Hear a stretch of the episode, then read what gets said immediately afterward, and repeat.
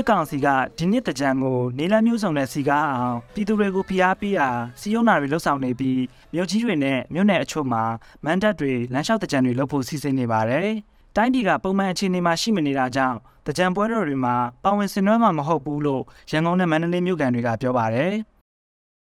ရန်ကုန်ပဲလေးမဟုတ်တဲ့ဒီမြန်မာနိုင်ငံလေပိုင်းဒေသနဲ့ဒီတခြားတိုင်းသားတွေရဲ့ဒေဒေသတွေမှာဆိုရင်စစ်ပေးရှောင်တွေရှိတယ်တိုက်ပွဲတွေဖြစ်နေတယ်ဒီလိုမျိုးကိစ္စတွေဖြစ်နေမှာတော့ဘယ်သူမှတော့ပါဝင်ဆင်နေမှာတော့မဟုတ်ဘူးအရေးနှစ်တည်းကလိုပဲသူ့လူကိုယ့်ဘက်သားလူတွေနဲ့ပဲပြီးတော့မယ်လို့ပဲမြင်မိတယ်တကြံဆိုရင်အစင်လာကြီးမားတဲ့မန္တလေးမြို့မှာလည်းဒီနှစ်စစ်ကောင်စီကဘယ်လိုပဲတကြံကိုစီကားအောင်လုပ်နေပြည်သူတွေကိုစာနာတဲ့စိတ်နဲ့ပါဝင်မှာမဟုတ်ဘူးလို့မြို့ကန်တွေကပြောပါတယ် ဒီနေ့တက်တဲ့ဖတ်တာကအစီအစဉ်နဲ့ဟိုဒီစီစဉ်နဲ့ဝဲမှာကမင်းမျိုးကန်နေလည်းမကြိုက်ဘူးလေအဲ့တော့ဘယ်သူမှလည်းပါမှာမဟုတ်ဘူးအဲ့တော့ကြတော့မနစ်ကလိုပဲဖြစ်မှာပါလူတွေကသူ့အတူပဲစိတ်ထဲမှာလာအေးနေတယ်ဆိုပေမဲ့လို့ဒီလိုမျိုးလို့ရှာရှာပွဲကြီးတွေမှာဘယ်သူမှသင်ပြကြမှာမဟုတ်ဘူးလေအကုန်လုံးကလည်းအထဲမှာကြောင်းတဲ့လူတွေကိုစားနာပြီးနေကြတာဟုတ်သူကဒီလိုတာလောက်တာတစ်ပိုင်းပဲလေနော်သူတို့ဖြစ်နိုင်မယ်ကိုထင်တာဖြတ်သွင်းတဲ့ချက်လာပဲသူအောင်မြင်နိုင်တယ်လို့ထင်ပါတယ်ကိုကိုတို့အပြင်တဲ့ချက်နေလည်းမဖြစ်တော့ပါဘူး စစ်ကောင်စီကတော်လှန်ရေးမှာအရှိန်ရောအောင်နဲ့ပြည်သူတွေနိုင်ငံရေးကိုစိတ်ဝင်စားမှုနဲ့ပါအောင်ပျော်ပွဲရှင်ပွဲတွေမကြာခဏလုပ်နေပြီးဒီနှစ်တကြံမှာလည်းစီးပွားဖြစ်မန်တပ်တွေအခွန်ဆောင်စရာမလိုပဲဆောက်လုပ်ခွင့်တွေပေးနေပါတယ်။ရန်ကုန်မြို့မှာမြို့တော်ခမ်းမရှိမန်တပ်တစ်ခုနဲ့ပြည်သူရင်ပြင်မှာလည်းမန်တပ်နဲ့လက်လျှောက်တကြံလုပ်ဖို့စီစဉ်ထားပါတယ်။ဒါအပြင်မြို့ကြီးတွေနဲ့နယ်မြို့တွေမှာတကြံမန်တပ်တွေလက်လျှောက်တကြံတွေကိုပြည်သူတွေမဖြစ်မနေလာဖို့ဖိအားပေးစီစဉ်တာတွေရှိပါတယ်။သူတို့ကတော့ပုံ မှန်အခြေအနေဖြစ်တယ်ဆိုတဲ့ပုံစံမျိုးနဲ့ပဲခုနပွဲကိုအကုန်လုံးချပေးတာပေါ့ဥမာတခြားပွဲတွေပါညာပွဲတွေလုပ်နေကြတာပေါ့နော်